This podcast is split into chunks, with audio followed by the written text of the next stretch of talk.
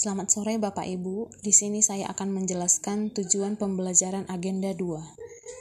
Adapun tujuan pembelajaran agenda 2 adalah membekali peserta dengan nilai-nilai dasar yang dibutuhkan dalam menjalankan tugas jabatan PNS secara profesional sebagai pelayan masyarakat yang meliputi lima kemampuan yaitu berakuntabilitas, mengedepankan kepentingan nasional, menjunjung tinggi standar etika publik, berinovasi untuk peningkatan mutu pelaksanaan tugas jabatannya, dan tidak korupsi dan mendorong percepatan pemberantasan korupsi di lingkungan instansinya.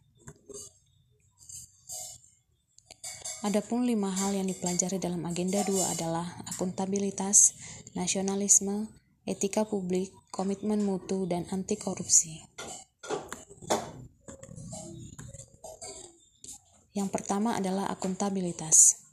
Akuntabilitas dalam mata pelatihan ini memfasilitasi pembentukan nilai-nilai dasar akuntabilitas pada peserta pelatihan melalui substansi pembelajaran yang terkait dengan nilai-nilai dasar akuntabilitas konflik kepentingan dalam masyarakat, netralitas PNS, keadilan dalam pelayanan publik, dan sikap serta perilaku konsisten. Adapun nilai-nilai dasar akuntabilitas adalah kepemimpinan, transparansi, integritas, tanggung jawab, keadilan, kepercayaan, keseimbangan, kejelasan, dan konsistensi.